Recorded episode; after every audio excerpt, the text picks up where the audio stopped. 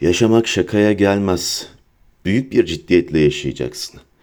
Bir sincap gibi mesela. Yani yaşamanın dışında ve ötesinde hiçbir şey beklemeden. Yani bütün işin gücün yaşamak olacak. Yaşamayı ciddiye alacaksın yani o derecede öylesine ki mesela kolların bağlı arkadan sırtın duvarda yahut kocaman gözlüklerin beyaz gömleğinle bir laboratuvarda insanlar için ölebileceksin. Hem de yüzünü bile görmediğin insanlar için hem de hiç kimse seni buna zorlamamışken hem de en güzel, en gerçek şeyin yaşamak olduğunu bildiğin halde. Yani öylesine ciddiye alacaksın ki yaşamayı, yetmişinde bile mesela zeytin dikeceksin. Hem de öyle çocuklara falan kalır diye değil, ölmekten korktuğun halde ölüme inanmadığın için.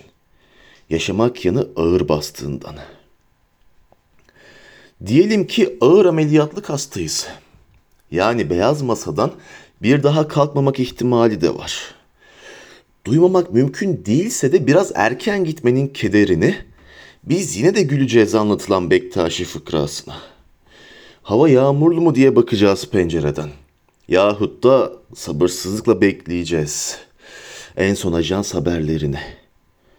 Diyelim ki dövüşülmeye değer bir şeyler için diyelim ki cephedeyiz. Daha orada ilk hücumda daha o gün yüzü koyun kapaklanıp ölmek de mümkün. Tuhaf bir hınçla bileceğiz bunu. Fakat yine de çıldırasıya merak edeceğiz belki yıllarca sürecek olan savaşın sonunu. Diyelim ki hapisteyiz yaşımızda 50'ye yakın. Daha da 18 sene olsun açılmasına demir kapının. Yine de dışarıyla birlikte yaşayacağız. İnsanları, hayvanları, kavgası ve rüzgarıyla yani duvarın ardındaki dışarıyla. Yani nasıl ve nerede olursak olalım hiç ölünmeyecekmiş gibi yaşanacak. Bu dünya soğuyacak, yıldızların arasında bir yıldız, hem de en ufacıklarından. Mavi kadifede bir yaldız zerresi yani. Yani bu koskocaman dünyamız, bu dünya soğuyacak günün birinde.